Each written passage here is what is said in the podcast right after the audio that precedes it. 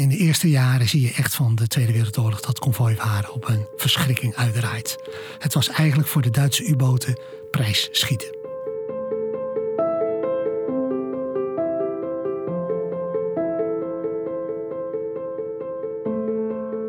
Wanneer Nederland plotseling in oorlog is met Nazi-Duitsland, blijkt elk schip op zee een doelwit. Wat doe je om de vaak ongewapende handelsschepen te beschermen tegen de Duitse torpedo's? En welke verschrikkingen liggen er nog meer op de loer? Mijn naam is Lianne van den Doel, militair historicus bij het Nederlands Instituut voor Militaire Historie. Je luistert naar een podcast over de Nederlandse koopvaardij tijdens de Tweede Wereldoorlog.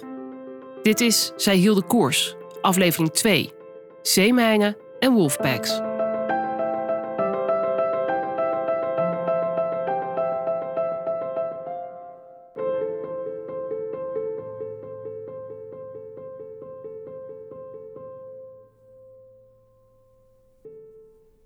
Het Nederlands koopvaardijpersoneel leeft tussen hoop en vrees. Voor het eigen lot en voor dat van hun familie in Nederland.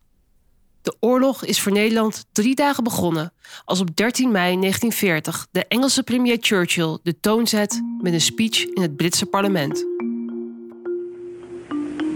I have nothing to offer but blood, toil, tears and sweat. We hebben de wereld niets anders te bieden dan bloed, zweet en tranen. Alles in dienst van de overwinning. De enige mogelijke manier om te overleven.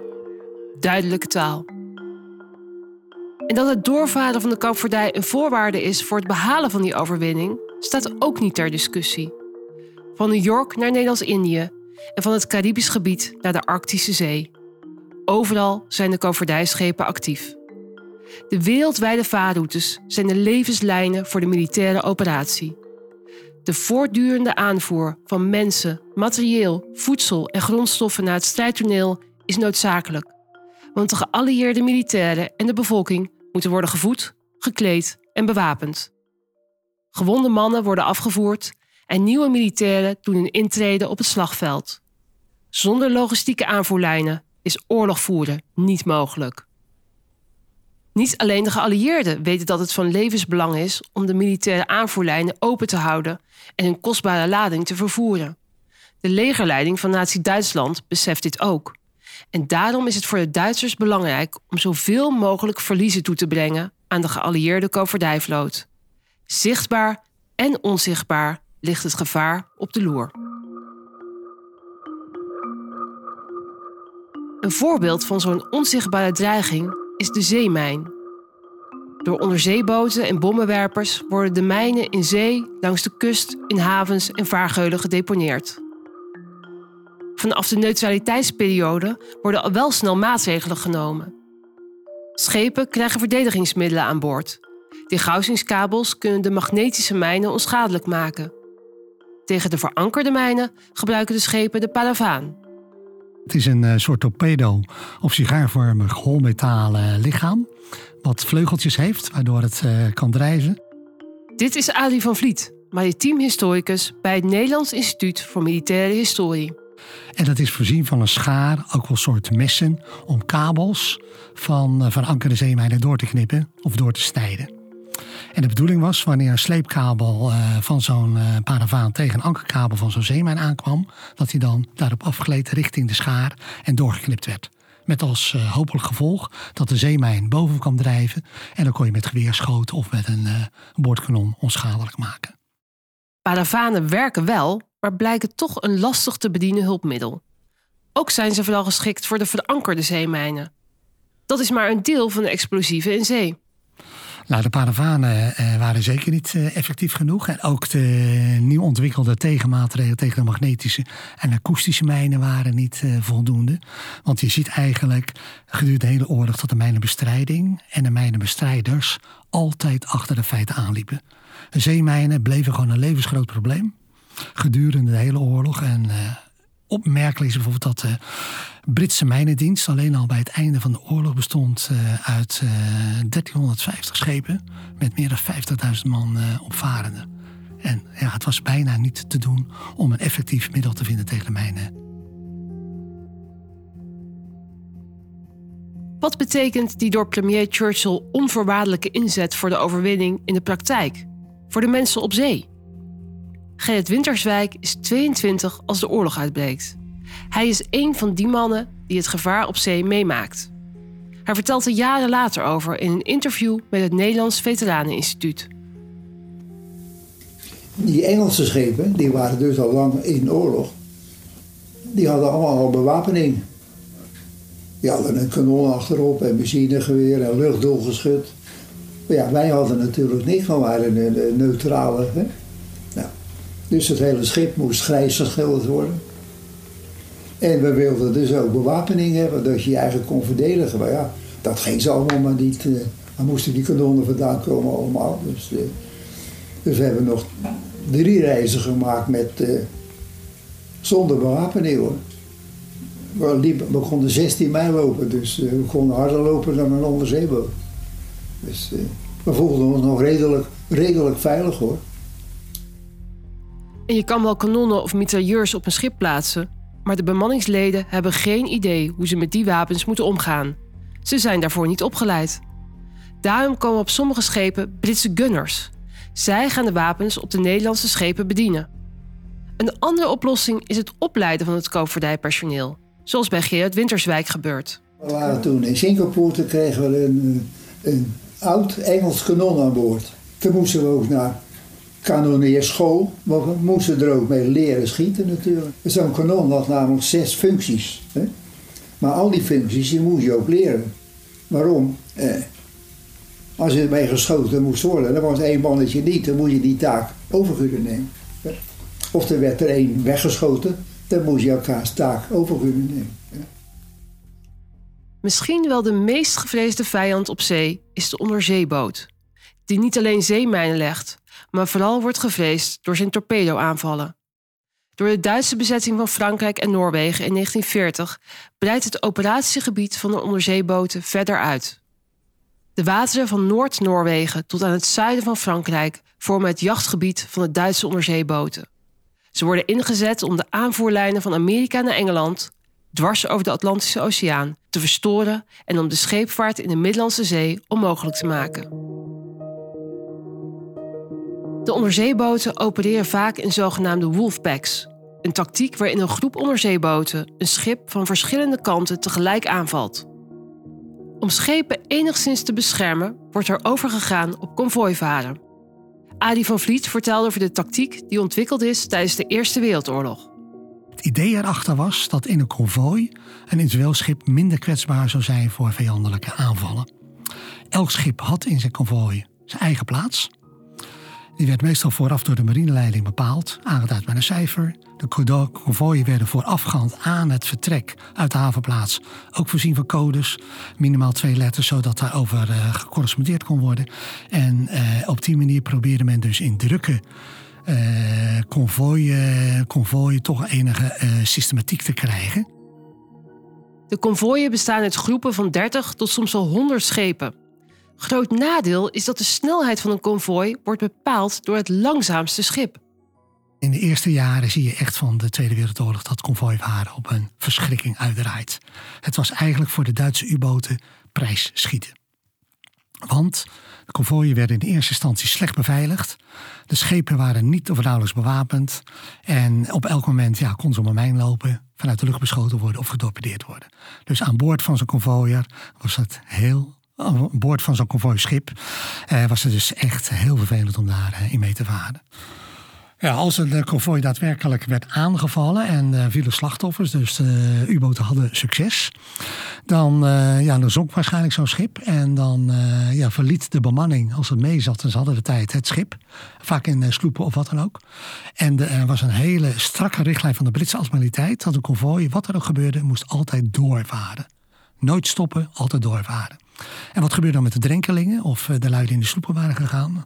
Uh, die, uh, over het algemeen ja, was het zelfs soms zo dat de andere konvooischepen dwars door hun uh, scheep, ja, reddingsboeien, sloepen doorvoeren. En als ze geluk hadden, En dat wordt op de duur van de oorlog wel wat beter. Dan waren enkele kleine, snelle rescue ships die eh, de drenkelingen konden redden. En soms waren er ook escorteschepen die als taak ook hadden erbij gekregen om drenkelingen, overlevenden aan boord te nemen. Maar de richtlijn was doorvaren en niet stoppen. Hoe moeilijk dat ook was. En hoe verschrikkelijk natuurlijk ook.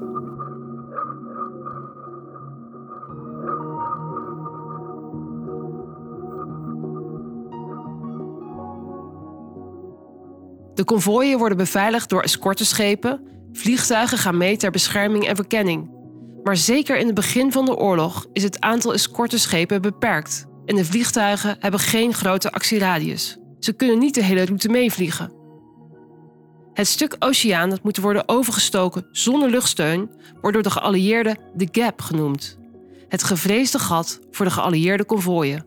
Want dat is het werkterrein van de Wolfpacks. Voor vertrek van een konvooi worden één of meerdere schepen aangewezen die bij een aanval de getroffen schepen uit het konvooi mogen helpen. Gert Winterswijk, die je eerder al hoorde, vaart in 1942 mee in een konvooi over de Atlantische Oceaan richting Liverpool. Ondanks de slechte audiokwaliteit laten we toch het hele fragment horen, omdat Winterswijk uit eerste hand kan vertellen over konvooivaren in oorlogstijd. Dat was weer een ervaring apart. Toen ging je dus krijgen dat, uh, dat ze om je heen getorpedeerd werden. En dat was natuurlijk een heel andere ervaring. Je voer in, in konvooi met een 50, 60 schepen en daaromheen een beetje, een beetje nog maar bewaking, uh, torpedojagers en zo. En, uh, maar ze hadden nog niet zoveel. Dus het was een beetje prijsschieten voor die Duitse onderzeeboten. Ja. Maar daar weet, daar weet je ook weer aan. Als er een schip getorpedeerd wordt, dat hoor je bij je eigen schip ook. Water, dat, dat transporteert geluid. Dus die, die, die, klap, die, die klap, die komt op je eigen schip ook aan. Al ben je het zelf niet hoor.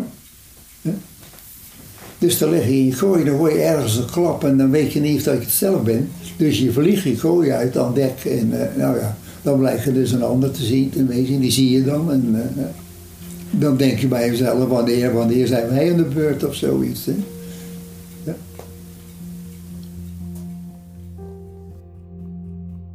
Wanneer zijn wij aan de beurt? De koopvaardijbemanning op zee leeft elke dag met die vraag. Een terechte vraag, want het leven op zee is door de oorlog nog veel gevaarlijker geworden. En grote scheepsrampen door oorlogsgeweld komen regelmatig voor. De grootste Nederlandse koopvaardijramp tijdens de Tweede Wereldoorlog vindt plaats voor de kust van Griekenland. Want ook op de Middellandse Zee woedt een strijd tussen de geallieerden aan de ene kant en aan de andere kant Duitsers, en hier ook nog eens de Italianen. In dit oorlogsfront zijn de Nederlandse koopvaardijschepen vooral nodig voor troepentransport en het bevoorraden van geallieerde militaire steunpunten in de regio. In het voorjaar van 1941 moeten geallieerde troepen snel worden geëvacueerd uit Griekenland. Het Nederlands passagiersschip Slamat is onderdeel van de geallieerde operatie Demon. De gezagvoerder, Tjalling Luidinga, is vastbesloten om zoveel mogelijk vluchtende militairen mee te nemen. De schepen hebben strikte tijdframes gekregen waarbinnen ze moeten aankomen, mannen aan boord moeten laten en weer moeten vertrekken. Luidinga vertrekt een uur later dan gepland vanaf de Griekse stranden, om daadwerkelijk zoveel mogelijk militairen mee te kunnen nemen. Het schip komt onder vuur te liggen van Duitse bommenwerpers. Ondanks reddingspogingen van twee Britse marineschepen zinkt het schip. Naast de Slamat gaat er nog een passagiersschip verloren. Er komen bij deze ramp 983 mannen om, waaronder Luidinga.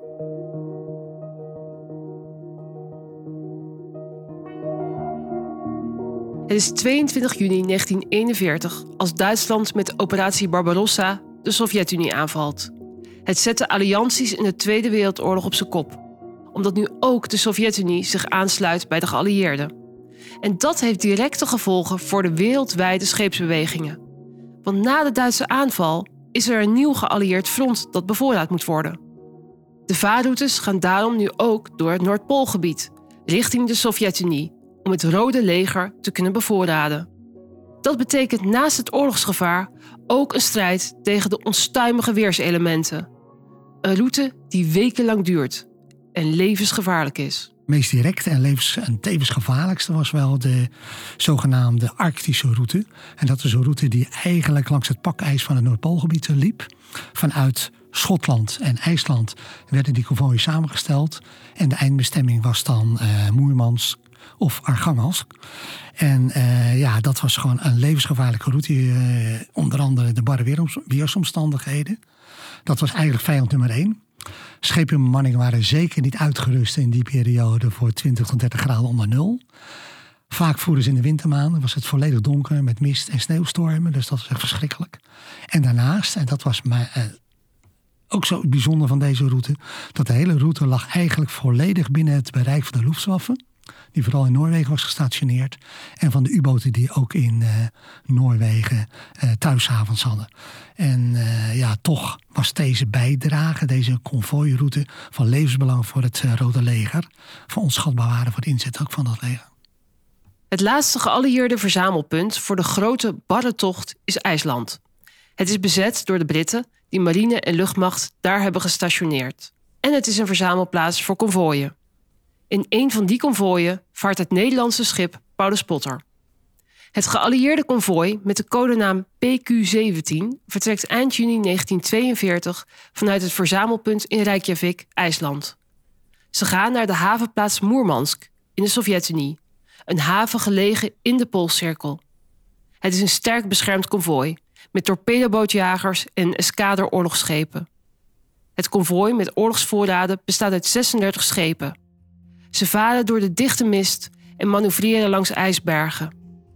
Op 3 en 4 juli worden ze met bommen bestookt, maar de aanval kan worden afgeslagen. Dan ontvangen de schepen een geheim bericht. Het konvooi moet ontbinden vanwege de dreiging van twee Duitse oorlogsschepen. Ieder is op zichzelf aangewezen tijdens de tocht op de Noordelijke IJszee. Op 5 juli gaat het mis voor de Paulus Potter. Het schip wordt aangevallen door Duitse duikbommenwerpers. De luchtafweer komt direct in actie, maar na meer dan een uur te vergeefs vechten komt de order om het schip te verlaten. De bemanning kan niets anders dan de reis met de reddingssloepen en een motorboot voortzetten. Ze besluiten naar Nova Zembla te varen, waar een basis van de Sovjet-Unie is. Wonderbaarlijk genoeg overleven alle bemanningsleden de barre tocht. De kou en de voedsel- en watertekorten eisen wel hun tol. Een heel aantal van hen moet ledematen laten amputeren. Konvooi PQ-17 wordt hard getroffen. Er gaan 24 van de 36 vrachtschepen verloren door de aanvallen van de Duitse luchtmacht en marine. The worst journey in the world. Zo noemt de Britse premier Churchill deze tochten door de IJszee in zijn dagboek. En na een aantal voorvallen, zoals bij konvooi PQ-17, worden de Arctische reizen tijdelijk stilgelegd.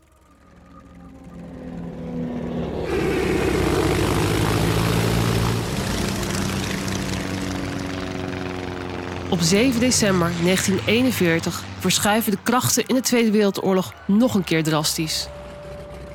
De Japanse aanval op het Amerikaanse Pearl Harbor zorgt ervoor dat de Verenigde Staten direct betrokken raken bij de Tweede Wereldoorlog. Een dag later verklaart Nederland de oorlog aan Japan.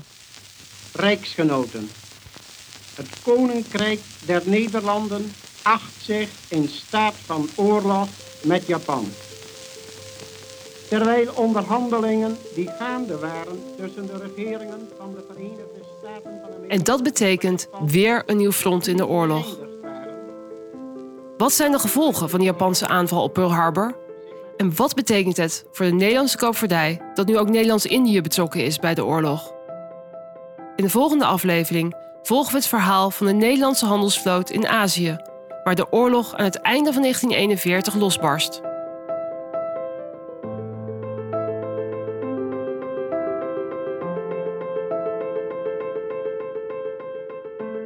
Zij hielden koers is een productie van het Nederlands Instituut voor Militaire Historie en het podcastkantoor.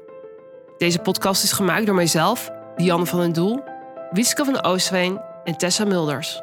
Met in deze aflevering een speciale dank aan Adrie van Vliet. Mocht je dit een goede aflevering vinden, laat dan vooral even een review achter, zodat we beter vindbaar worden voor nieuwe luisteraars. Wil je meer weten over de koopvaardij in de Tweede Wereldoorlog? Kijk ook eens op militairepodcast.nl.